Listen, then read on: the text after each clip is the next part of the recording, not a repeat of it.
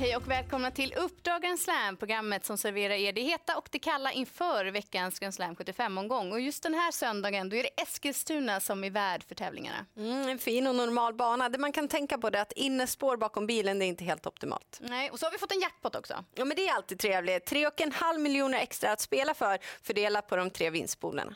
Nu kör vi igång. Här kommer veckans heta.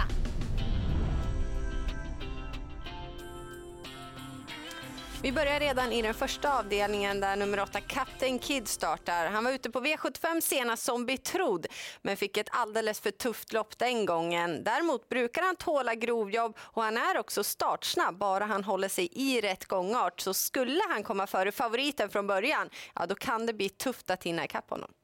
Och eh, går vi till den tredje avdelningen så ser det spännande ut för nummer ett, Rally-Helge, som i sin comeback efter fem månaders frånvaro vann direkt. Sällskapet var ganska så billigt, men intrycket hela vägen det var riktigt bra. Han visade fin eh, startsnabbhet senast och kanske kan Peter G Norman leda loppet runt om. En annan som jag tror kan leda loppet runt om det är nummer tre Dark Roaster i den fjärde avdelningen. Senaste, eller enda gången ska jag säga, han tävlade med kombinationen barfota runt om och amerikansk sulke. Ja, då var han trea på V75 efter en heroisk insats. Emma-Sara Sjöberg som tränar, hon har två hästar på listan och har en väldigt fin segerprocent på 24. Och lillebrorsan Red Hot Roaster, han vann lopp så sent som förra veckan så stallformen är fin och jag tror på spets och slut för Dark Roaster. Roadster. Ja, han var ju dessutom ute i ett tufft gäng senast också på V75, vilket man kan ana när det var ett högt första pris, 110 000 kronor. Och just första prisen i loppet kan vara värt att hålla koll på. Så här säger våra kollegor.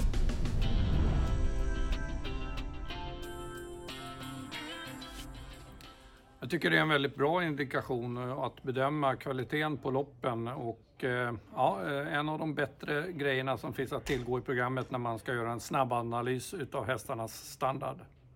Har det varit en hög prissumma så kan det ju vara så att hästen har mött eh, betydligt bättre motstånd och ibland då när det inte är samma prissumma så kliver de ner lite i klass som vi brukar säga och lite enklare motstånd. Så det där kollar jag väldigt ofta.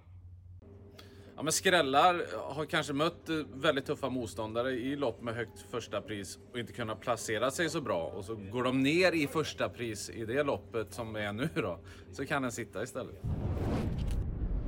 Ja, men det är bara att hålla med. Man ska ju definitivt ha respekt för hästar som har varit ute i hårda gäng där eh, första priset har varit stort. Ja, men så är det. En som var ute i ett hårt sällskap senast det var nummer 15 Young King i den femte avdelningen. Då speedade han ner Västbo Pokerface på ett härligt sätt. Toppformen sitter där. Nu är det lång distans igen, vilket han trivs utmärkt på. Man växlar dessutom upp så att det blir barfota runt om. Per Lennartsson har haft åtta hästar ute i november varav tre har vunnit, så stallformen den är riktigt bra.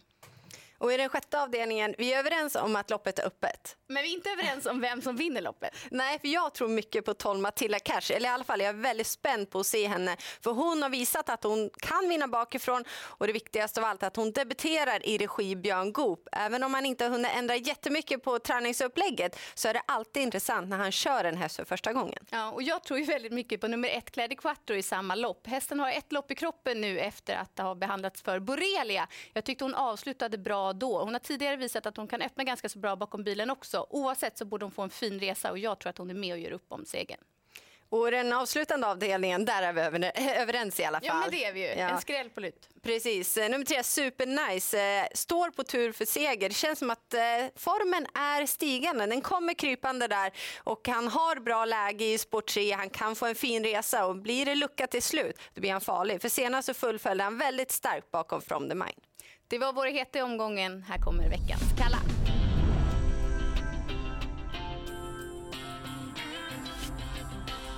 I den andra avdelningen startar Danua Simoni från spår 1 bakom bilen, vilket är dåligt för hans del då han inte är startsnabb och riskerar att bli fast. Dessutom ska han testa kort distans för första gången och det är på grund av att man vill ha mer fart i hans ben. Så att han ska hinna först över mål, då krävs det både tempo och tur. Och går vi till den tredje avdelningen så startar nummer 8 Archipelago Jet som är väldigt fartfylld för klassen, men fyra galopper på hans sex starter har det blivit hittills. Och tränaren Sofia Aronsson säger att det är en riktig strulpelle och man vet varken om eller när han kommer att sköta sig. Strulpelle är ju inte Erik Adielsson från springspår i alla fall. Du brukar han vara het. Det brukar han vara, men han kör nummer 14 Volaregar i den femte avdelningen som gör debut i voltstart. Kanske inte blir någon nackdel, men han gjorde debut i ny regi senast. Hästen fick ett tufft lopp, höll helt okej. Däremot tycker jag att intrycket över mål var lite spänslöst och kanske kan han behöva ett lopp till innan toppformen sitter där.